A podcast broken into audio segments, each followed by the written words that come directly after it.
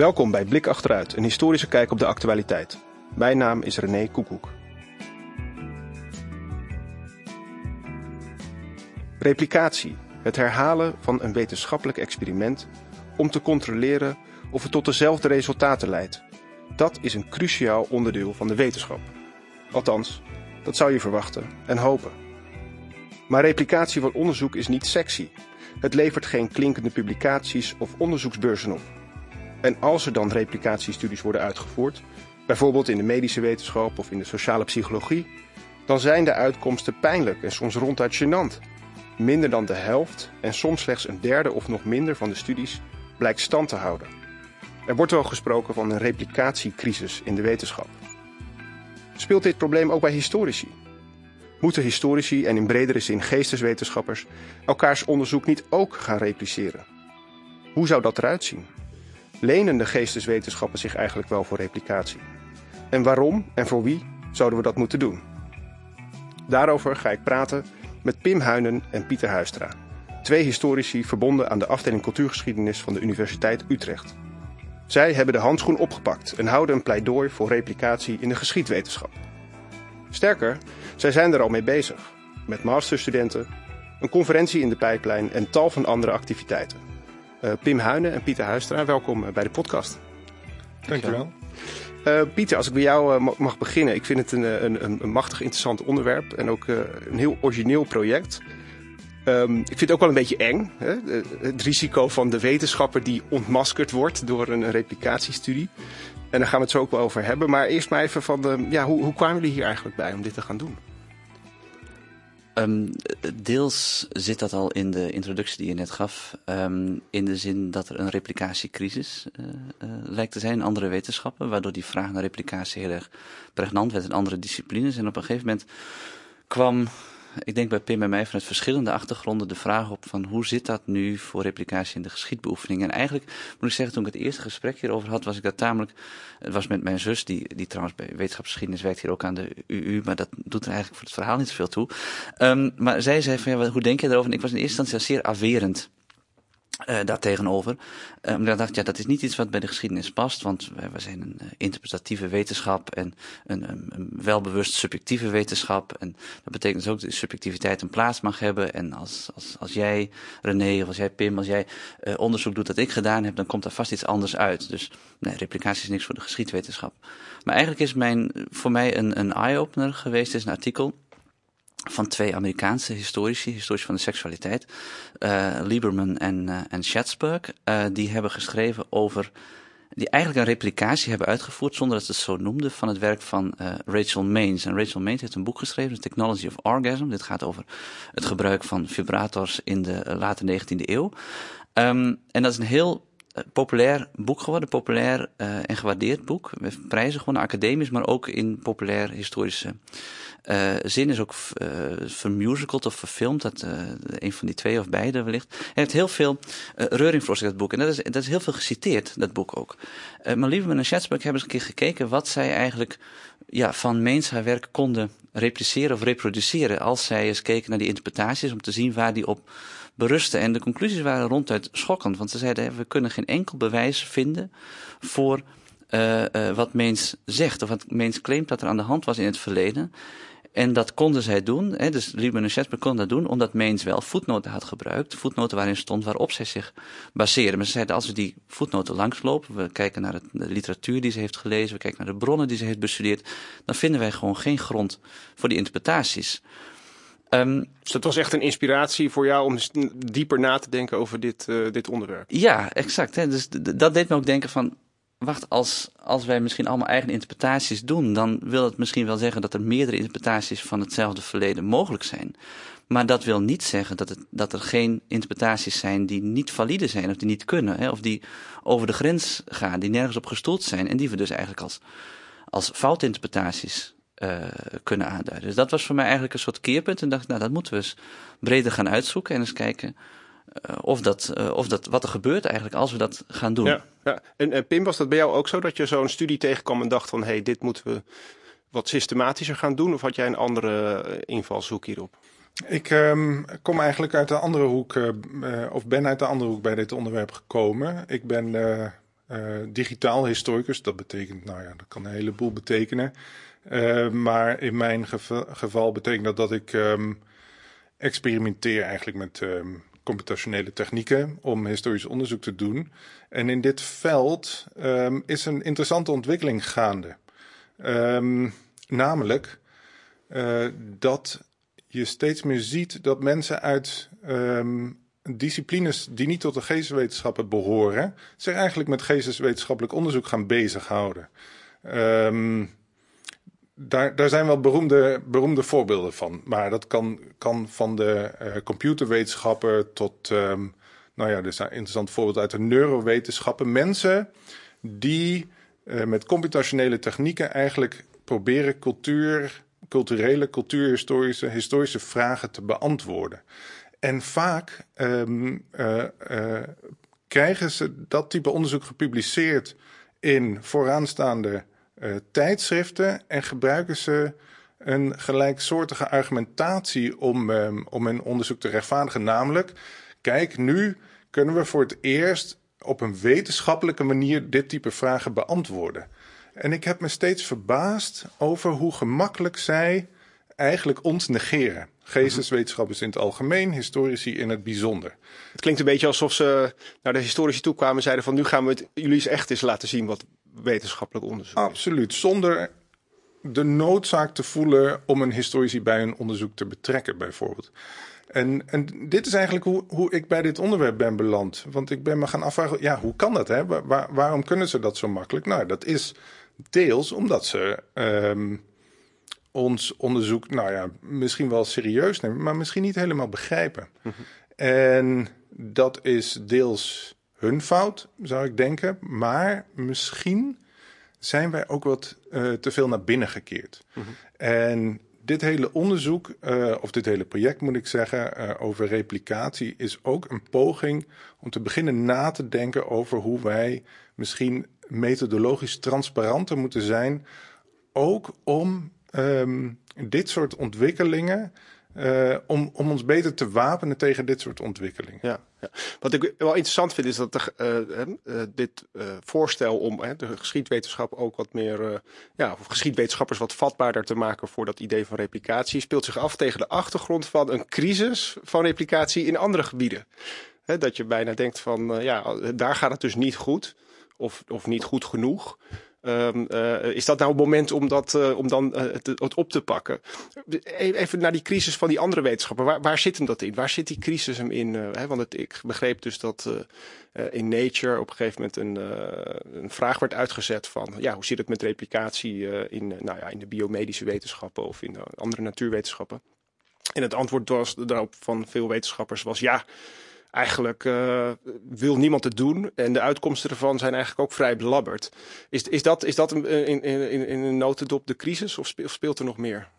Uh, Pieter? Ik denk dat het eigenlijk dat het een, een soort uh, dubbele crisis is. Dat er twee aspecten zijn aan die crisis. De eerste is een crisis van. Het is een integriteitscrisis hè, met, met twee aspecten. Het eerste aspect is een aspect van fraude. En er zijn een aantal zeer, vooral in de jaren 2000 en 2010 een aantal zeer uh, bekende fraudezaken geweest in de wetenschap. En denk in Nederland gewoon aan Diederik Stapel, ja.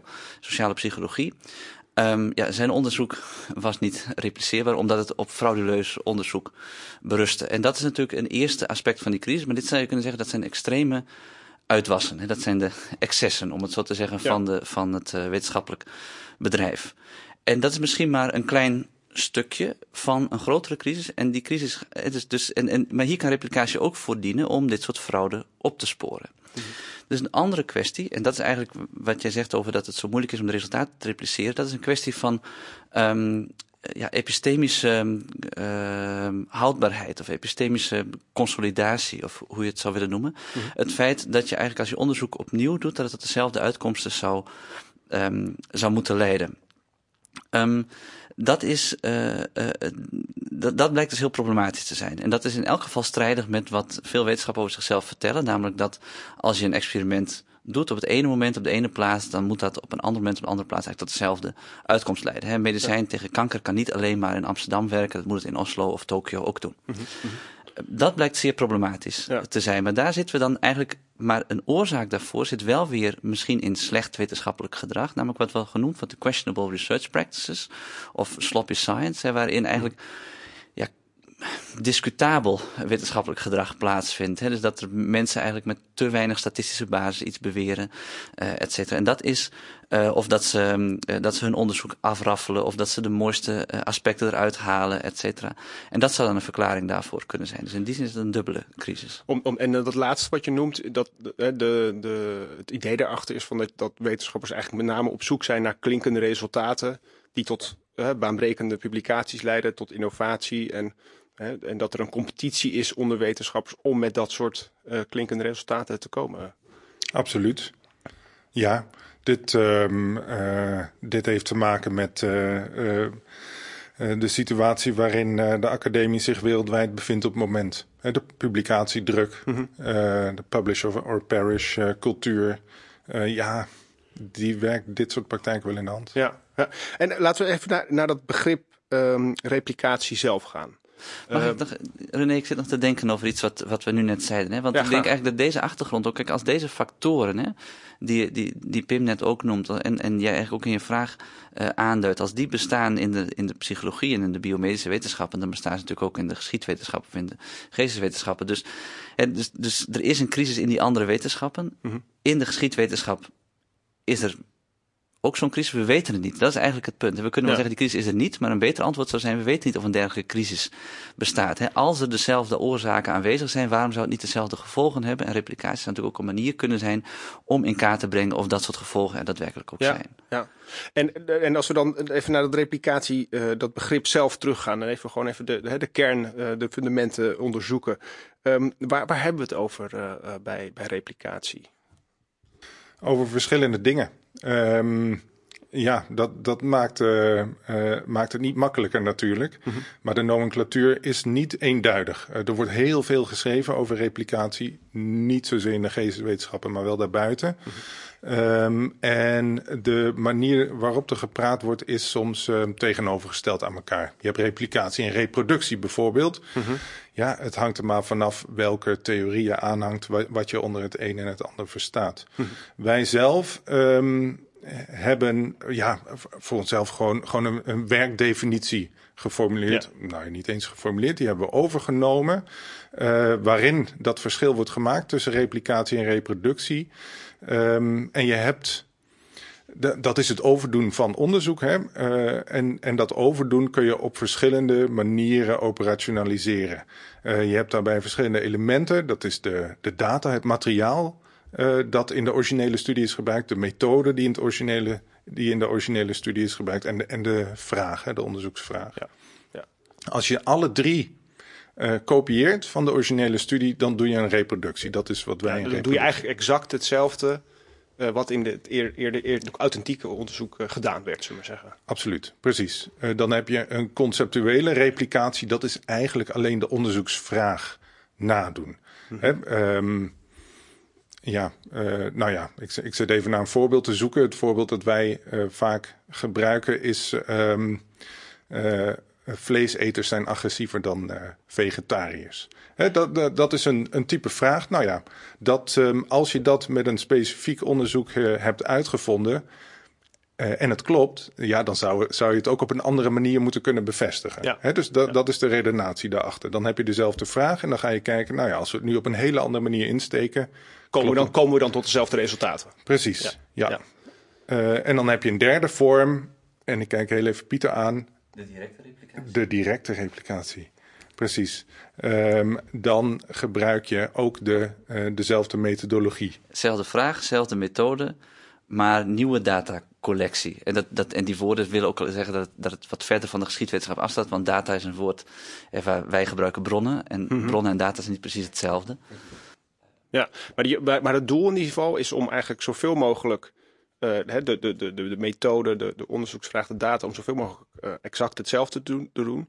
Om te kijken van, kom je dan tot dezelfde resultaten? Dat hangt er dus vanaf eh, wat het doel is. Ehm, Deze driedeling is ook om duidelijk te maken dat er verschillende doelen kunnen zijn aan de replicatie die je uitvoert. Ehm, en dan is het grootste verschil die tussen wat wij dan replicatie noemen, het zij conceptueel, het zij uh, direct, uh, en wat wij reproductie uh, noemen. het, het, het doel van replicatie is inderdaad om te kijken, ja, klopt het wat de originele studie beweert? Ja. Um, in het geval van een reproductie is dat minder duidelijk. Mm -hmm. Want dan ga je, um, dan ga je eigenlijk meer op de, uh, op de uitvoering van de originele studie zitten. Mm -hmm. hè? En ga je kijken, ja, is, is het helder wat hier gedaan wordt? Is het, um, uh, zijn de resultaten plausibel in het licht van hoe de, hoe de studie is uitgevoerd? Ja. Dus dan ga je ook kijken van is het onderzoek wel netjes gedaan en volgens de regels die de onderzoekers zichzelf hebben opgelegd. Um, en, en ja, hè, is, is de, de, de uitvoering zeg maar, goed gedaan? Precies, precies. Ah, okay. Dus, dus dat, ja, dat is een aspect van kwaliteitscontrole, zou je kunnen zeggen, waar het andere gaat om, om waarheidsvinding. Ja, en als we dit nou eens gaan toepassen op de geschiedwetenschap, um, ja, hoe, hoe, hoe werkt dat? Nou, om eerst die conceptuele en directe replicatie te noemen, eigenlijk doen we dat al als historici. Zijn we erg aan gewend en dat noemen wij het historiografisch debat. Het is eindeloos gediscussieerd over nou, René, een voorbeeld jou als aanstaande oorzaken van de Franse revolutie, of de oorzaken van, laat zeggen, allerlei revoluties in de late 18e eeuw. Um, die vraag is eindeloos ook opnieuw benaderd met nieuwe, uh, met hetzelfde vraag, wat zijn de oorzaken daarvan, met nieuwe methodes, uh, met nieuwe bronnen. Eh, dus, dus men heeft gekeken naar economische uh, invalshoeken, politieke, politiek-culturele, nou, ik hoef het allemaal niet op te noemen. Ja. En zo is men eigenlijk steeds opnieuw die vraag proberen te beantwoorden ja. en steeds op nieuwe invalshoeken. Daar is ook de, de waardering van dat debat is heel anders in de geschiedwetenschap dan in andere wetenschappen. En in andere wetenschappen zou men dat misschien als problematisch zien dat er zoveel concurrerende interpretaties zijn van die oorzaken. In de geschiedwetenschap zien we dat eerder als een rijkdom. Soms wellicht wat frustrerende rijkdom, want wat mm -hmm. moet je dan aan je studenten of je leerlingen vertellen? Maar een rijkdom uh, desalniettemin. Die Um, dus, even voor mijn goede begrip, ja? dus de, de, de, de, waarom brak de Franse revolutie in 1789 uit? Als meerdere historici die vraag als uitgangspunt nemen, dan ben je dus in zekere zin al bezig met wat jullie dan noemen conceptuele replicatie. Zo hebben wij dat vertaald. Ja. Ik, ken, ik ken geen enkele plaats waar dat ook zo vertaald is eigenlijk. Ja. Dit, dit, is een soort, omdat historici zich er niet mee bezig hebben gehouden en niet gewend zijn die termen te gebruiken. Maar ik denk dus dat we eigenlijk ook wel hebben enige zelfbewustzijn kunnen zeggen dat replicatie in die zin ook in ons, ja. in ons, uh, in ons werk zit. Zit, in, zit ingebakken in wat historici eigenlijk doen. Maar jullie willen wat dat betreft een stapje verder gaan. Ja, willen naar de reproducties gaan. En eigenlijk is het ook zo dat die ook volgens ons ingebakken zitten in de geschiedwetenschap. Alleen, we, er ligt een uitnodiging, maar daar hebben we nog niet op gereageerd, om het zo te zeggen. En waar zit die uitnodiging in? In het gebruik van voetnoten. Dus het werk van historici moet, en dat is wat iedere student leert, moet navolgbaar zijn. Hoe moet het navolgbaar zijn? Um, doordat je via je voetnoten laat zien waar jij je informatie vandaan hebt. En ook dat je iets zegt over de gevolgde methode die je hebt gebruikt om tot die resultaten te komen. En eigenlijk, die mogelijkheid tot navolging zit dus in die voetnoten al klaargelegd. Maar het gebeurt eigenlijk bij ons weten niet, niet tot nauwelijks dat er op een systematische manier hè, die voetnoten, wel eens eentje of twee, hè, maar op een systematische manier een heel artikel of zelfs een heel boek hè, wordt nagelopen om te kijken, klopt dit nu eigenlijk? Uh, allemaal wel wat hier gebeurd is. Of hoe is dit, of misschien kunnen we de vraag ook neutraal zeggen, hoe is het eigenlijk allemaal gebeurd? Hoe is dit tot, tot stand gekomen? En kunnen wij ook op dat eindpunt uitkomen? Dat lijkt toch de veronderstelling te zijn van die voetnoot. Want ja, als dat niet zo is, hè, waarom zou je dan überhaupt die verantwoording eigenlijk afleggen. Als je niet denkt dat iemand anders misschien niet tot dezelfde resultaten komt, maar in, in, in ieder geval moet kunnen begrijpen hoe jij tot die resultaten bent uh, gekomen. Ja, ja.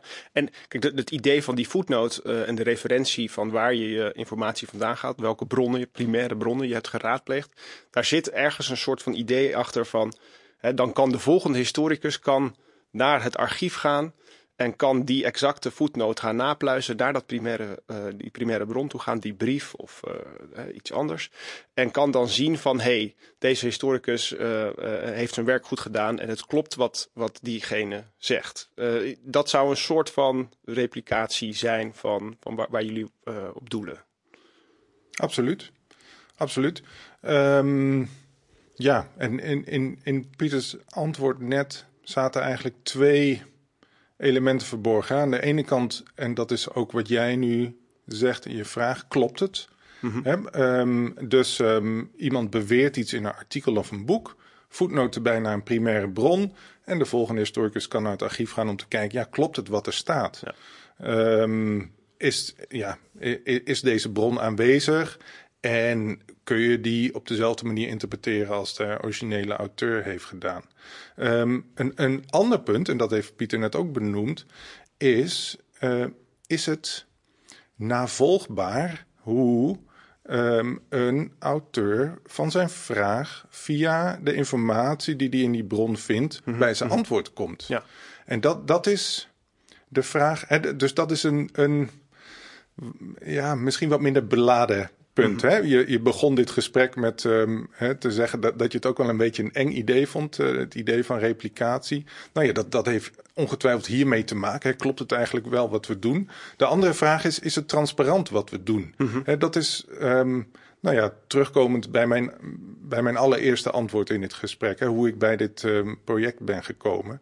Ehm, is dat iets, nou ja, een, een wat neutralere vraag misschien. En eentje ehm, die me misschien wel het meest interesseert. Ja. Is het wel duidelijk voor nou, historici, maar misschien ook niet-historici, hoe wij van vraag tot antwoord komen. En Ja. hoe wij de informatie die we in primaire en secundaire bronnen vinden, daarvoor gebruiken. Ja, en eh, wat ik het fascinerende aan jullie project vind, is dat jullie dus dit ook daadwerkelijk zijn gaan doen met een groepje masterstudenten. Zijn jullie artikelen gaan uitzoeken en hebben jullie ge- getracht om ja, een, een soort van eh, eh, manier te vinden om ja, zo nauwgezet mogelijk ehm, ja, het onderzoek eh, te reproduceren? Waar liepen jullie zo al tegenaan? Ehm, dat is eigenlijk, ik moet wel zeggen, het zijn de studenten die hier toch alle krediet wel voor verdienen. Want wij hebben eigenlijk wij, hebben gezegd wat, wat ze moesten doen. En vervolgens zijn zij er zelf mee aan de slag gega- gegaan. En waar we tegenaan liepen, was eerst al eh, kwesties van, eh, van reproduceerbaarheid van artikelen. Hè. Van, eh, zijn alle artikelen eigenlijk wel reproduceerbaar? Ehm, ik herinner mij een voorbeeld van een heel interessant artikel. Dat ging over, ehm, eh, ging over eh, de Wereldbank, volgens mij. De discours van de Wereldbank. En hoe de Wereldbank spreekt over, eh, over, over, ja, over Wereldbankkwesties. Ik weet niet precies meer welke het nu zijn. Maar en financieel-economische kwesties. Ja. Ehm, en dat leek een heel interessant artikel. Omdat het veel, veel had losgemaakt. Veel reactie had losgeweekt. Ehm, maar er was eigenlijk zo weinig duidelijk over hoe deze auteurs tot hun werk, tot, we- tot, tot, tot hun werk of te werk waren gegaan. Dat het eigenlijk heel moeilijk reproduceerbaar was. Hè? Dat er eigenlijk niets werd gezegd over, over, over die methodologie. En het is eigenlijk heel moeilijk uit te vinden hoe ze tot hun resultaten waren gekomen. En dat is omdat het een, een digitale analyse was, was het wel belangrijk om iets over die methode eh, te weten. Eh, dus daar eh, liepen we tegenaan. En eigenlijk in bredere zin was dat denk ik iets waar we meer tegenaan liepen. Dat we, ook als wij wilden eh, reproduceren, wat de studenten wilden reproduceren, dat de reproduceerbaarheid van historisch onderzoek over het algemeen toch vrij beperkt is. En, en vooral vrij beperkt in de zin dat, dat, eh, dat, eh, dat we, nou laat ik het zeggen, dat we methodologisch niet zo gearticuleerd zijn als historici. We zijn niet zo geneigd om te zeggen, eh, eh, we hebben dit en dit gedaan, eh et cetera. Ook omdat dat niet de conventie is. Ik neem dat niet individuele historici kwalijk, maar het is niet wat wij geleerd hebben. Te zeggen, ik ben zus en zo te werk gegaan, ik heb die Ja. en die bronnen gelezen. Het is wel een algemeen begrip, maar zo zagen we in één artikel staan eigenlijk als enige methode, eh, in een van de gereproduceerde artikelen als enige methode stond close discursive analysis. En er werd verder niet uitgelegd wat deze eh, nabije eh, discursieve analyse dan precies inhield. Wat houdt dat dan in? Hè? Als je een tekst Ja. voor je hebt, ga je dan, kijk je dan van dichtbij? Of wat, wat, is, wat versta je, wat, wat is het verschil tussen discursive en textual, eh et cetera? En wat houdt die analyse in? Dat Ja. wordt niet, en dat maakt het heel moeilijk eigenlijk voor om je werk Dus, over te dus als, als ik het mag samenvatten, dan eigenlijk zijn historici, die zijn goed in het verschaffen van bepaalde voetnoten en hè, waar heb ik mijn informatie, vandaan. Maar wat ze nou precies doen in dat archief of welke van de, laten we zeggen, honderd brieven ze selecteren om, om daar hun, eh, hun, hun bewijs, maar zeggen, uit te halen, daar zijn ze eigenlijk veel minder expliciet over. En dan gebruiken ze een woord als eh, close reading. Ehm, maar, wat, maar wat dat dan exact inhoudt, dat is dan weer niet duidelijk. Is dat eh, wat er aan de hand is? Ja, nou ja, dat is in ieder geval absoluut ook aan de hand, ja. En dit is wel een mooi, mooi punt dat je aansnijdt, ja. Dat ehm, historici heel goed zijn duidelijk te maken wat ze wel hebben gevonden. eh, maar vrij ehm, eh, vaag zijn over wat ze niet hebben gevonden, bijvoorbeeld. hè, waar, waar het archief verder uit bestond. Ehm, ja, hoe representatief de fondsen zijn die ze wel laten zien, Ja. bijvoorbeeld. Ja, ja. En ehm, een, een, een, een belangrijk aspect wat altijd ook terugkomt in, eh, in, in, in, laten we zeggen, wetenschapsfilosofie voor historici, is de vraag van, ja, eh, zal ieder mens een bepaalde bron nou op dezelfde manier interpreteren? Ehm, hè, en, en zeker hè, bij replicatie is het het idee van, nou oké, we gaan eh, de methode gaan we precies hetzelfde uitvoeren.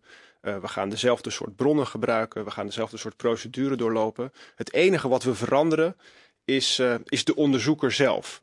En, eh, en, en, en natuurlijk het ideaal van veel wetenschappelijk onderzoek is dat het zou eigenlijk niet uit moeten maken wie de onderzoeker is. Hè? Want ja, hoe kom je anders ooit tot wetenschappelijke universele kennis komen? Ehm, maar eh, juist dat hele interpretatieproces eh, is door veel mensen bedoogd, is juist iets ja, wat toch een hele, sterke subjectieve eh, ja, dimensie heeft. Hoe problematisch is dat voor replicatie? Ehm, ja, nou ja, dat hangt af van wat je verwacht. Eigenlijk wat je al zegt, nee, dat, dat hangt af van wat je verwacht van die kennis. Ik denk niet, dat is denk ik heel belangrijk om, nog, om, om, om wel te benadrukken, niet zo problematisch voor wat wij beogen. Want het is echt niet het geval dat wij denken dat als ik het onderzoek overdoe van Pim, dat ik tot precies dezelfde interpretatie van de bron moet komen. En wat wij vragen is eigenlijk dat ik moet kunnen begrijpen hoe Pim tot die interpretatie is gekomen. Dus een mate van eh, intersubjectiviteit, of in elk geval wederzijds begrip dat daarin zou moeten zitten. En ik denk wel dat, dat, dat, dat we dat wel moeten, ook als historici, moeten nastreven. Om twee redenen. Ten eerste denk ik omdat, eh, omdat als onze bevindingen het puur persoonlijke niet overstijgen. Hè, dat we dan als wetenschap eh, een probleem hebben, want eh, dan wordt het een kwestie enkel van, van smaken en voorkeuren. Dat lijkt me wat te smal. Ehm, en ten tweede lijkt me ook dat wetenschap, eh, om, om de claim op wetenschap te hebben, gebaseerd moet zijn wel op een bepaald idee van eh, hoe die wetenschap moet worden bedreven. En wat kan wetenschappelijke kennis onderscheiden van andere vormen van kennis dan de methode waarmee die verworven is, die kennis? Als we dat niet hebben, als we geen duidelijk idee hebben van wat die methode is, of als we het niet kunnen uitleggen, en wat onderscheidt ons dan van, van, van, ja, van eh, de, de man of vrouw eh, in de straat, die ook een mening heeft? Eh, dus ik denk Ehm, dat die subjectiviteit die is er zeker, dat is ook een, een kracht. Eh, maar het neemt niet weg dat dat, dat kan samengaan met, eh, met reproductie. En het neemt ook niet weg dat, ook als interpretaties subjectief zijn, dat ze ook wel begrensd zijn. In die, in die zin is ook wel het proces van, van interpretatie als een, een totaal geïsoleerd proces tussen interpreet en geïnterpreteerde, is ook een heel smal idee. Want natuurlijk is het ook een sociaal proces. De interpreet bevindt zich ook in een brede sociale context, waarin we dus gewoon kunnen zeggen dat dingen goed of fout zijn. En als ik tegen de, uh, tegen de microfoon zeg dat het een glas water is, dan zul je zeggen, nee, die interpretatie is onjuist, het is een microfoon. In die zin is daar een soort sociaal, sociale dimensie aan. Zo geldt het natuurlijk voor historische interpretaties Ja. ook. Ja, dus je, je, je, moet- je moet niet vervallen tot een soort van extreem eh, subjectivisme hier. Eh, maar eh, ik, ik wil het even concreet maken om, om, om op die manier ook eh, beter te begrijpen waar we het over hebben. Ik, stel, je wil inderdaad de oorzaken van de Franse revolutie begrijpen. Stel dat je een historicus bent die zich voornamelijk met de 19e en 20e eeuw heeft bezig gehouden. Dan ga je naar die bronnen kijken van de 18e eeuw en dan lees je daar de, de opkomst van de nazistaten in. Dan lees je daar allerlei dingen in die jij als 19e, en 20, of 19e eeuwse, 20e, historicus, eh, 20e eeuwse historicus herkent. Ehm, en als je dan vervolgens een middeleeuwse historicus naar diezelfde bronnen laat kijken, dan zal die middeleeuwse historicus met een heel ander ja, eh, netwerk, een web van associaties zo'n bron lezen. En waarschijnlijk lezen die twee verschillende historici dus hele verschillende dingen in zo'n bron. Ehm, ehm, en wat is jullie pleidooi dan? Hoe zouden die twee met elkaar toch een gesprek aan kunnen gaan? Nou, ik denk dat het in ieder geval eh, van belang is, ook voor de ehm, historicus die thuis is in de 19e en 20e eeuw, ehm, dat de medievist zijn argumentatie begrijpt. En dat, dat is denk ik waar het om draait.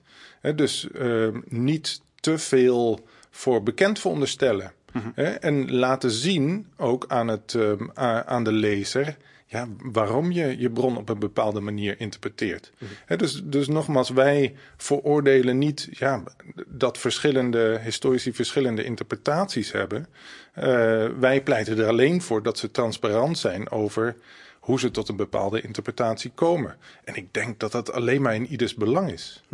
Dus het zit, als ik het goed begrijp, zit het dus heel erg sterk in het, het expliciet maken van wat vaak impliciet blijft bij het interpreteren van bepaalde bronnen, eh, van bepaald materiaal, hoe je tot een bepaalde redenering komt. En dat op dit moment eigenlijk historici daar nog wel gewoon wat, wat huiswerk te doen hebben. Nou ja, ehm, dat zou een conclusie kunnen zijn, maar dat is niet ons uitgangspunt geweest. Hè. Dus op dit vlak, en nogmaals, hè, die, die reproductie en replicatie in het algemeen heeft natuurlijk meerdere elementen, daar hebben we over gepraat. Het ga- gaat er ook gewoon om, klopt het? Wat, hè? Is, is, er, eh, is, het, is het onderzoek goed gedaan? Maar als het gaat om dit punt, het punt van transparantie, zijn we er vrij neutraal ingegaan. Hè? Was het een open vraag? En dat is het eigenlijk nog steeds. Hè? We, we hebben drie case studies ehm, eh, ge- eh, gedaan, of onze studenten.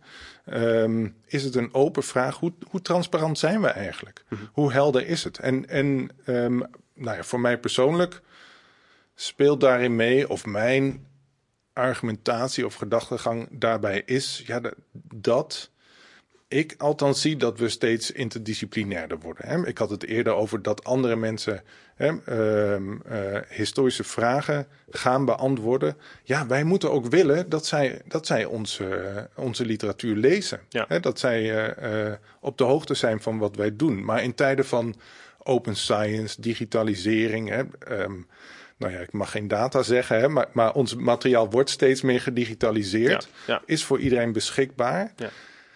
Nou ja, da- daarmee wordt het eigenlijk ook steeds makkelijker voor mensen om eens te kijken. Hè? Ehm, hoe, hoe hebben eh, historici hun werk gedaan? Ja. Ehm, replicatie wordt steeds makkelijker. Alles is ehm, eh, online te vinden. Maar eh, het is ook steeds makkelijker voor niet-historici om historische literatuur te lezen. Ja. En daarmee is het in ons eigen belang om simpelweg transparant te zijn over, over de historische methode, welke methode dat ook is. Hè. Wij pleiten op geen enkele manier ervoor ja, dat, dat we naar een soort sociaal-wetenschappelijke methode toe zouden moeten. Ehm, wij pleiten alleen voor, nou ja, laten we nou eens kijken. Eh, ja, nou ja, die historische methode is inmiddels een aantal decennia oud. Ehm, om het zacht uit te drukken. Ja. ja is, is het nog van deze tijd? Ja, ja. En, eh, want het klinkt ook een beetje alsof eh, historici misschien wel te lang in een bepaalde bubbel hebben geleefd met elkaar.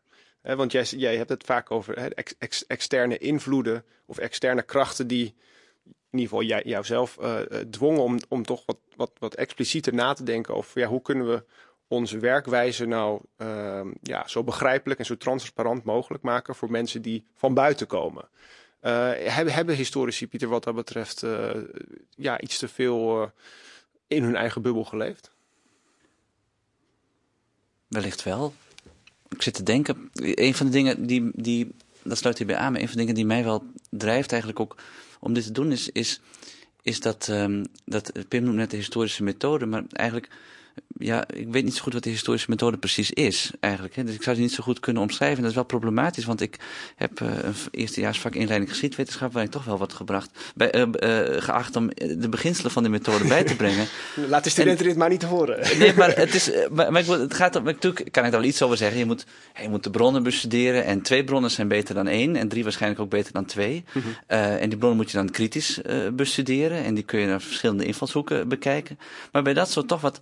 Ja, toch wat algemeenheden blijft het toch wel vaak. Hè? En ik heb ook het gevoel, ik weet niet of dat bij jou René anders is, maar ik heb toch het gevoel dat, dat het meer, dat we dat, dat soort methoden meer zoeken in het niveau van de persoonlijke virtuositeit van de historicus in kwestie, dan dat we daadwerkelijk kunnen uitleggen wat er nou precies gebeurt als zo'n virtuoos eh, eh, aan het interpreteren slaat en dan met een geweldig nieuwe interpretatie komt. En, als het, en, en, dan vind ik, het wat, vind ik het mager, ook om dat vervolgens over te brengen aan nieuwe generatie historici, om te zeggen, ja, dat is een persoonlijke kwestie, of dat is een, een kwestie van subjectiviteit. En ik wil de subjectiv- de subjectiviteit behouden en positief waarderen, maar ik wil er nog graag iets extra's over, over, over kunnen zeggen. Dus ik denk in die zin dat historici misschien ook wat gemakkelijk, misschien wat naar binnen gekeerd, maar wat gemakkelijk voor zichzelf geweest zijn. Ja. Eh, en dat, dat er best nog wel wat meer over gezegd mag worden. En ook dat een, de historische methode, dat eigenlijk toch al snel een stoplap is om, om dat soort discussies te stoppen. Hè. We, we hebben de historische methode en of. Nou, Ja. ik denk dat er meer over te zeggen moet zijn.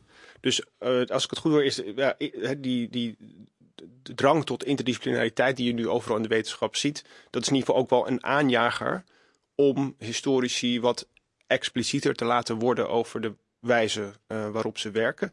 Uh, dus dat is een, nou ja, ik denk een belangrijke drijfveer om dat te doen. Uh, zijn er nog andere, laten zeggen, drijfveren om dit te doen? Waarom, waarom zouden we dit verder nog doen, behalve, behalve dat, dat aspect van interdisciplinariteit? Mag ik nog heel even terugkomen op dat aspect van interdisciplinariteit? Ja, zeker. Ja. Um, om het nog eens te illustreren. Heb, nou ja, Pieter um, is, is er echt een historicus hè? die, die uh, nadenkt over, ja, nou ja, welke methode hebben wij? Hoe, hoe zou je dat noemen? Um, in, in dat punt van die interdisciplinariteit valt mij steeds op dat de niet-historici het wel weten. Die, die noemen wat wij doen uh, exploreren. In, de, in de natuur, schijnschepen, sociale wetenschappen wordt, wordt dat onderscheid, het onderscheid tussen de ontdekkingscontext en de rechtvaardigingscontext, vrij strikt gemaakt nog. je hebt exploreren. je daarmee? Je hebt exploreren, mm exploratief onderzoek en je hebt bewijs. Bewijs is, is statistiek. Um, daarvoor gelden strikte regels, dat is de rechtvaardigingscontext. Um, exploreren, daar ben je vrijer in. Maar het is dan ook geen bewijs. Dus je kan niet op basis van exploreren, exploratief onderzoek, um, ja, nou ja, uh, argumenten uh, als bewijs aanleveren. Uh, dat is de reden waarom dit type onderzoek ja, niet, niet zo snel historische literatuur leest, hè, of, dit type onderzoeker moet ik zeggen. Um, ja, omdat wij niet, niets anders doen dan exploreren. Mm -hmm. Nou ja, ik, ik vind, hè, en dat zou een mooie uitkomst van dit project zijn, um, dat wij meer doen dan alleen exploreren. Dat, mhm. dat de historische methode, en dat is, dat is een, een verkeerd begrip, er is ook niet één historische methode, maar datgene wat wij doen, ja, dat daar wel wat meer over te zeggen valt dan mm -hmm. ja, hè, um, op je gevoel afgaan in het archief of zo. Ja, want als je, als je kijkt naar de, de, de geschiedenis van de wetenschapsfilosofie over geschiedenis of de geschied, geschiedfilosofie, dan wordt er ook nog wel eens een, een, een onderscheid gemaakt tussen uh, ideografisch onderzoek, hè, onderzoek naar het eigene. Hè, waarom is zo'n uniek fenomeen als de Eerste Wereldoorlog, hè, hoe kunnen we dat uh, begrijpen? Welke factoren speelden daarin mee? En um, aan de andere kant heb je dan het idee van we, we moeten niet ideografisch zijn, maar juist nomothetisch. Het idee dat we naar wetmatigheden op, op zoek moeten. En dat we dus juist, laten we zeggen, tien oorlogen naast elkaar gaan leggen en gaan kijken van oké, wat zijn nou de wetmatigheden die optreden bij dit soort oorlogen. Um, en het, het, historische, uh, het historische land is groot. Hè. Aan de ene kant heb je mensen die zich eerder thuis voelen bij van nee, we moeten juist naar dat unieke aspect van bepaalde fenomenen op zoek gaan. En je hebt historici aan, uh, aan de andere kant van, uh, van, van, van het spectrum. En die zullen eerder zeggen van nee, ik ben, daar ben ik helemaal niet mee bezig. Ik ben juist op zoek naar regelmatigheden in, in, de, in de geschiedenis. Dus in zekere zin zit die variëteit er toch ook al wel? Je bedoelt de variëteit in dat soort benaderingen tussen, tussen zoeken naar wetten, en naar wat, wat veroorzaakt revolutie in het algemeen, tegenover wat veroorzaakt een revolutie als een soort ideografische. Um, ja, die, die variëteit is er natuurlijk. Uh, en die, ik, ja, ik zou die zelf moedig ik die aan, want ik denk dat dat, dat soort pluralisme dat dat alleen maar versterkend kan werken. Um, ik denk niet dat dat een soort. Uh, dat, dat, dat, dat, is niet een, dat overlapt niet het onderscheid tussen reproduceerbaar of repliceerbaar en niet repliceerbaar. Mm -hmm. en want ik denk ook als je, ook als je bezig bent met, een, met ideografische wetenschap, met één uniek fenomeen, dan betekent dat niet natuurlijk dat, dat uh, het onderzoek dat daarna plaatsvindt, dat ieder onderzoek op zich ook zo uniek is dat het nooit meer gereproduceerd zou kunnen worden. Dat er geen gesprek meer over zou kunnen gevoerd worden hoe dat is tot stand uh, gekomen. Dus ik denk wel dat, dus ik denk dat een, uh, zeg maar, het, maar misschien begrijp ik je vraag niet helemaal goed op die manier, maar het is niet zo dat ideografisch onderzoek niet reproduceerbaar, niet repliceerbaar zou moeten zijn. Ja, nou ja, ik, wat ik een beetje begreep uit, uit Pim's opmerking was, ja, He, vanuit uh, van buiten de geschiedwetenschap wordt nog wel eens de eis opgelegd van we moeten echt veel meer gaan nadenken over he, causale verbanden en wetmatigheden. En dat doen we nog te weinig. Maar ik, mijn tegenpunt zou dan eerst zijn van ja, er zijn zat historici die heel sociaal-wetenschappelijk geïnspireerd onderzoek doen en echt met modellen en theorie werken. En in dat opzicht eigenlijk al tegemoet komen aan dat bezwaar. Ja, ja, daar heb je absoluut gelijk in. Dat is ook zo. En dat is ook de reden waarom wij in dit uh, project. Uh, we hebben drie historische studies geprobeerd te reproduceren. Dat is de reden waarom we drie verschillende velden hè, van historisch onderzoek hebben gekozen om te kijken. Mm -hmm. Ja, goed, het blijft een NS3-onderzoek, maar er zit een verschil. Hè? Zie, ja. zie je cultuurverschillen tussen verschillende velden van historisch onderzoek. En een van die velden is, sociaal, is een sociaal-economisch uh, onderzoek geweest. En was dat ook daadwerkelijk reproduceerbaarder, om het maar zo te zeggen? Dat was reproduceerbaarder. Dat is het artikel geweest, het onderzoek waarin de minste problemen aan het licht zijn gekomen. Ja, maar het was ook. Het, het, maar dan denk ik ook, want was het ook het digitaal historische, of de digitale geschiedenis heeft ook een vrij sterke. had een heel sterke air van reproduceerbaarheid rondom zich. En een van de. Er is dus, het is, we, zijn, we, komen op een gegeven moment uit bij een onderscheid tussen twee vormen van reproductie. Uh, dat is eigenlijk een van de uitkomsten van het onderzoek. Ik maak even een omweggetje en dan kom ik terug hoor. Ja, ja. maak geen zorgen. Graag. Uh, dat is eigenlijk één vorm van reproductie langs de achterdeur en één vorm van reproductie langs de voordeur. En reproductie langs de voordeur, zoals dat dan, dan, dan noemde, is eigenlijk zoals een recept in een kookboek. Eh, dus in, in, een kookboek staat stap voor stap beschreven hoe jij een taart pakt, om het zo te zeggen. En dat is eigenlijk ook wat je snel verwacht bij replicatie. Je begint eigenlijk met een, uh, met een set instructies. Eh, en vervolgens ga je, dus met, een, met een vraag, een methode en een set bronnen. En vervolgens ga je die aflopen. En eigenlijk um, van die digitaal historische uh, um, onderzoeken dachten we eigenlijk van nou, dat gaat ook zo zijn. Weet je, je hebt een, je hebt een corpus, een, een, een grote dataset. Je hebt wat, nou, Pim kan het beter uitleggen dan ik, maar je, hebt, je gebruikt een beetje Python en wat andere topic modeling, et cetera. En hup, hup, hup. En een soort van, en voor een simpele cultuurhistoricus als ik, een onmogelijke alchemie. En dan komen dan interpretaties uit, als het ware. Ja. En dat is een beetje de, de belofte die daar zit. En dat je dus eigenlijk het onderzoek zo over kunt doen en kijken, kom ik op hetzelfde eindpunt uit? Bak ik dezelfde taart uiteindelijk? Ja. Ja. De andere kant is, en daar kwamen we eigenlijk op uit dat dat veel vaker het geval was, dat je de taart wel kunt zien. En dat je dan eens een keer kunt gaan kijken wat er eigenlijk in zit. En probeert te reconstrueren hoe die gemaakt is. En dat je eigenlijk niet, hè, dat, dat, dat recept eigenlijk niet te vinden was. Hè. Dus bij dat digitaal historisch artikel, er mist een file. Er zitten toch allerlei interpretatiestappen in hè, van ik weet, ik dacht dat van 150 topics uh, verkleind naar 50 topics bijvoorbeeld, wat niet wordt uitgelegd, et cetera. Dus eigenlijk blijkt die Dus het, het, het uitkomen op het bakken van dezelfde taart blijft eigenlijk onmogelijk. Maar hetgene wat we wel kunnen, kunnen doen, dat zit ook in historisch onderzoek, is zien hoe die taart eigenlijk die volgens ligt in elkaar zit. Maar toch zouden we tegelijk best nog wel iets meer willen weten ja. over die receptuur. Ja. Om iets meer te kunnen zien hoe we eigenlijk daar gekomen zijn. Misschien niet alleen die lijst met ingrediënten, eh, maar toch ook nog uh, enkele informatie welke, over kooktijd. Welke stap en, werd toen genomen ja. in het recept? Ja. Hoeveel suiker kwam erbij? Wel, ja. waarom? En, nou ja, ja, ja, En, en dus, maar, maar, maar tegelijk, en dat is denk ik ook waar Pim's opmerking vandaan komt, tegelijk is, het, is er een vrees bij ons ook om het kind met het badwater weg te gooien.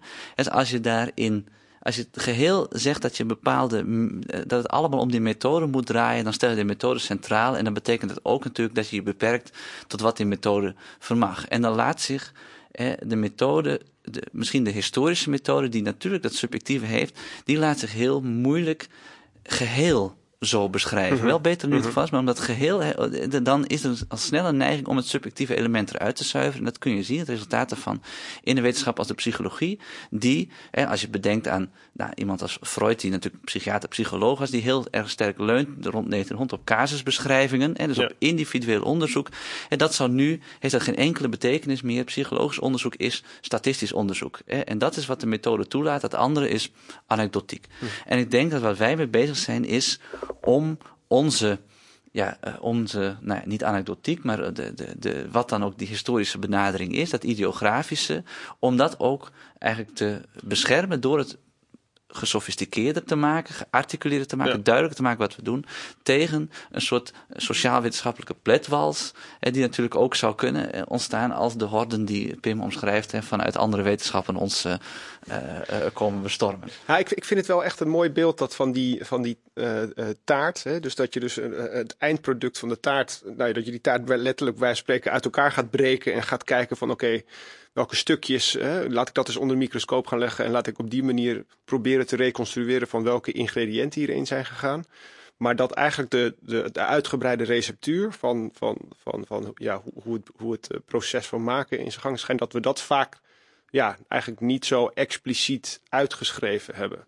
En jullie pleidooi, als ik het goed begrijp, is van hè, laten we nou eens dat hè, het recept, om het maar zo te zeggen, eens een keer veel meer uit gaan schrijven en in detail gaan uh, ja, uiteenzetten. Om op die manier uh, dat proces wat inzichtelijker te maken. Maar ik moet meteen denken ook aan. ik heb natuurlijk ook wat colleges geschiedfilosofie en geschiedtheorie gehad. En wat veel geesteswetenschappers en ook historici toch wel gezegd hebben, is van ja. Um, je hebt, laten we zeggen, het, het, het, het, proces van het onderzoek doen. En dan het proces van het scheppen van het verhaal. Hè? Dus op het moment dat een historicus uh, zijn, zijn, notities bij elkaar heeft en, en al zijn primaire bronnen heeft bestudeerd, dan komt er een moment van, ja, nu moet het in een narratief gegoten worden. Nu, moet, nu, nu, wordt, nu wordt er een begin en een eindpunt gekozen. Um, uh, en dat is, heeft ook een, hè, een, een, een, dan wordt de verbeeldingskracht van de historicus komt dan ook in beeld. En die zorgt ervoor dat er een mooie taart uitkomt. En, en dat verbeeldingskrachtmoment is ook een creatief proces. Hè? Uh, en hè, de, de, vaak wordt ook wel het schilderen van een schilderij genoemd als een soort van metafoor voor dat proces. Of het, hè, het, de, de, de verbeelding van de historicus uh, komt op dat moment aan bod. Um, um, dat lijkt me best moeilijk om dat scherp in beeld te krijgen, welke keuzes daar gemaakt worden. het lijkt me razend interessant, maar ik, zie ergens wel van ja, hè, dat, dat um, is ook wel verdraaid lastig. Het is lastig maar het ontslaat de historicus um, uh, ja, er niet van toch duidelijk te maken waar die interpretaties vandaan komen, hè, waar dat narratief vandaan komt. Ik bedoel, dat betekent nog altijd niet, hè, het narrativistisch aspect mm -hmm. betekent niet dat de historicus elk verhaal kan vertellen, mag vertellen dat hij graag zou willen vertellen. Zeker. Ergens ja. blijft hij gebonden aan, nou ja, ja, de feiten. Ja. Um, not, not, everything goes, zullen we maar zeggen. Precies. Ja. En, en het is ook de vraag of die twee zo heel strikt van elkaar te scheiden zijn. Hè, het, het onderzoek doen en het verhaal dat daaruit uh, uit mond. Uh, um, omdat uh, je ook, ook, in, het, in het onderzoeksproces zelf uh, noodzakelijkerwijs um, selecties maakt, keuzes maakt. Hè, voor waar je wel en niet naar gaat kijken. Keuzes die ja. deels zullen zijn ingegeven door het verhaal dat je uiteindelijk wil gaan vertellen. Ja. En in ons, hè, uh, de, de link met ons project is, ja, maak dan die keuzes transparant. Hè. Laat zien hoe je van stap A naar stap B bent gegaan. Ja, ik vind ook, ja terecht denk ik, die narrativistische geschiedfilosofie aan. En zonder hier al te veel in technische uh, details te willen treden, vind ik ook wel dat die visie, ik sluit me aan bij Pim daar, dat die visie van die strikte scheiding tussen forsing, uh, geschiedforsching en geschiedschrijving ook geforceerd is. Hè, en, en, ook niet, niet, niet, geen recht doet aan de werkelijkheid. Hè, alsof geschiedenis, uh, alsof die, die, die, die, die, die narratio of die representatie dan zou bestaan, alsof die eigenlijk geheel los zou staan van die afzonderlijke feiten die zouden zijn vastgesteld. Dat is volgens mij een beeld ook, nou ja, dat, dat, dat, dat wat simpel is en, en waarin eigenlijk ook uh, um, uh, heel erg sterk wordt gedacht aan de geschiedwetenschap alleen maar als dat schilderij, als een mm -hmm. soort mm -hmm. representatie. Wat om andere reden ook een moeilijk begrip is, want de representatie waarvan dan precies, hè, van het verleden dat afwezig is. Maar, um, maar ook um, uh, wat daar problematisch aan is, is dat heel veel geschiedwetenschap helemaal niet zo, misschien wel de representatie een heel slecht uh, woord daarvoor is. Heel vaak is het gewoon argumentatief betoog. Dat mm -hmm. het heel slecht laat vangen in dat soort bekende metaforen als de kaart, de schilderijen die daarvoor gebruikt worden. Mm -hmm. En als het argumentatief betoog is, dan zet het er de, de, de weg veel meer weer open voor, voor terugkoppeling van die elementen, namelijk het geheel en die delen die de narrativisten zo graag van elkaar willen scheiden. Ja. Dus ook geschiedfilosofisch denk ik dat hier wel, wel, wel wat voor te, te, te zeggen valt. Ja, uh, ja. Nog. Ik, ik, wat dat betreft, ik hoor wel, uh, er is een hoop, hoop te doen voor historici op dit punt. Ik, voel, ik zit ook de hele tijd aan mijn eigen onderzoek te denken en uh, op welke momenten ik nou zo duidelijk mogelijk maak van oké, okay, hier maak ik een keuze. Hè, van deze bron ga ik wel gebruiken of niet gebruiken. Of ik, ik kom een pamflet tegen van 180 bladzijden en ik haal er één quote uit. Ja, uh, ik, ik leg niet uit dat ik, ik zeg niet in mijn voetnoot van de andere 319 pagina's, die, die heb ik, heb ik, uh, heb ik even overgeslagen. Maar, maar daar, daar, daar zou je, ja, ik zit nu meteen te denken van, dat moet ik eigenlijk vaker doen, want dat maakt het onzichtelijk. Maar alleen al dat maakte dit project zo leuk om te doen. Um, we, we, hadden het eerder over de selectie van de drie artikelen die we uiteindelijk zijn gaan reproduceren. Nou, dat selectieproces ja, was om deze reden ontzettend interessant om te doen. Omdat je mhm. dan merkt dat artikelen waarvan je intuïtief dacht van, nou, maar dat is toch een goed artikel, een helder artikel. Als je er eens echt heel goed naar kijkt, ja, dan, dan blijkt het zo vaag als wat. He, dus dat is. Um, uh, uh, alleen al daar, dat maakte dit project de moeite waard. Om, om, die allereerste exercitie, nog voordat we de eigenlijke reproductie zijn gaan doen, ja, om, om dat eens te doen. Om, ja. om door zo'n bril naar literatuur te kijken die je al kent. Ja. Nou, ik moet meteen denken wat ik eerder uh, helemaal aan het begin zei. Van, hè, ik vind het een machtig interessant uh, project en heel origineel. En maar ook inderdaad um, ja, we moeten, de historici moeten toch een beetje met de billen bloot. Van nou ja, uh, laat, het maar, laat het maar eens allemaal zien. Die, misschien één, één laatste uh, punt. En dan wil ik nog, ook nog wat vragen over jullie toekomstplannen hiermee. Um, is dat levert het nog wel leesbare geschiedschrijving op? Want da daar zit natuurlijk wel een gevaar hè, van geschiedenisboeken en zeker wat taaiere artikelen in vaktijdschriften. Die staan al bekend om nou ja, uitgebreide voetnoten en een uitgebreide methodologische inleiding waarbij um, nou ja, de leesbaarheid, uh, laten we zeggen, het eerste slachtoffer is.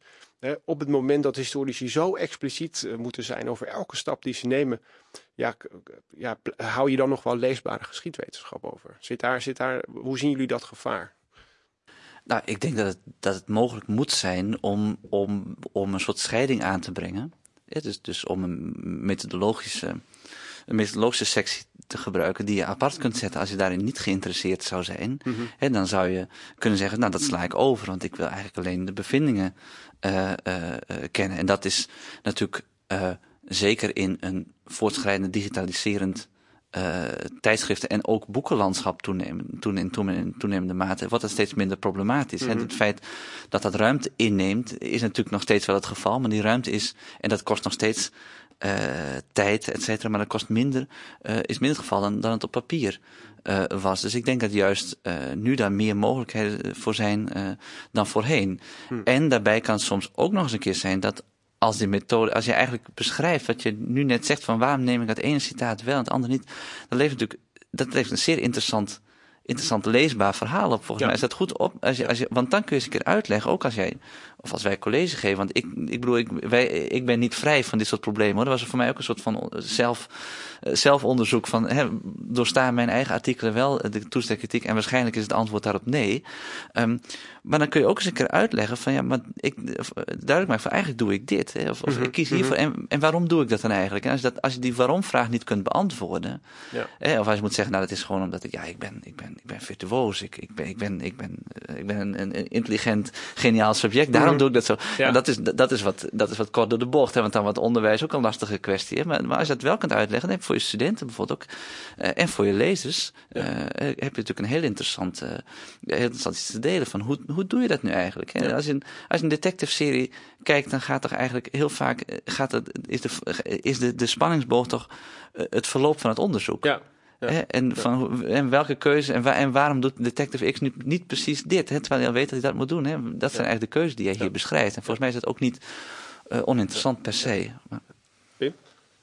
Ja, in het verlengde hiervan, je ziet um, dat uh, historische tijdschriften hier al mee experimenteren. Hè? Uh, online tijdschriften bij de BMGN gaan we dit doen. De Journal of Digital History niet lang geleden opgericht, uh, doet dit ook. Hè? Die publiceert in verschillende lagen. Dus je hebt de narratieve laag, maar daaronder ook een, een methodologische laag en een laag van databronnen. Um, en je kan tussen, tussen die lagen heen en weer switchen. En, ja. je, en je kan zeggen, nou, ik ben alleen geïnteresseerd in het verhaal. Nou ja, dan, dan, dan lees je alleen die laag. Dus, dus ja. technisch zijn hier denk ik heel veel al mooie oplossingen voor. Um, en, en om terug te komen op Pieters laatste punt. Um, ja, ik, ik maak zelf met studenten podcasts precies um, om dit te doen, hè? om dat mm -hmm. historische werk mm -hmm. bloot te leggen. Ja. En uh, ja, juist podcast, juist dit is een prachtig medium om dat te doen. Ja. Uh, om historisch onderzoek als een soort whodunit hè, te laten zien, om luisteraars mee te nemen in het historische proces. Ehm, ja, dat kan in, in bepaalde vorm misschien hè, als artikel minder goed werken en droog worden. Volgens mij als podcast ja, is, is, dat een, is, dat, eh, is dat prachtig om te doen. En opent dat het historisch onderzoek ook weer voor een nieuw publiek. eh, dat in tijden van hè, open science, public engagement ehm, Ja. alleen maar nuttig kan zijn. Nou ja, en ik zie, ik zie ook wat dat betreft wel echt een, een, een breder maatschappelijk belang hiervan. Ehm, we worden doodgegooid met fake news eh, deze dagen. En helemaal nu met de oorlog die gaande is in Oekraïne.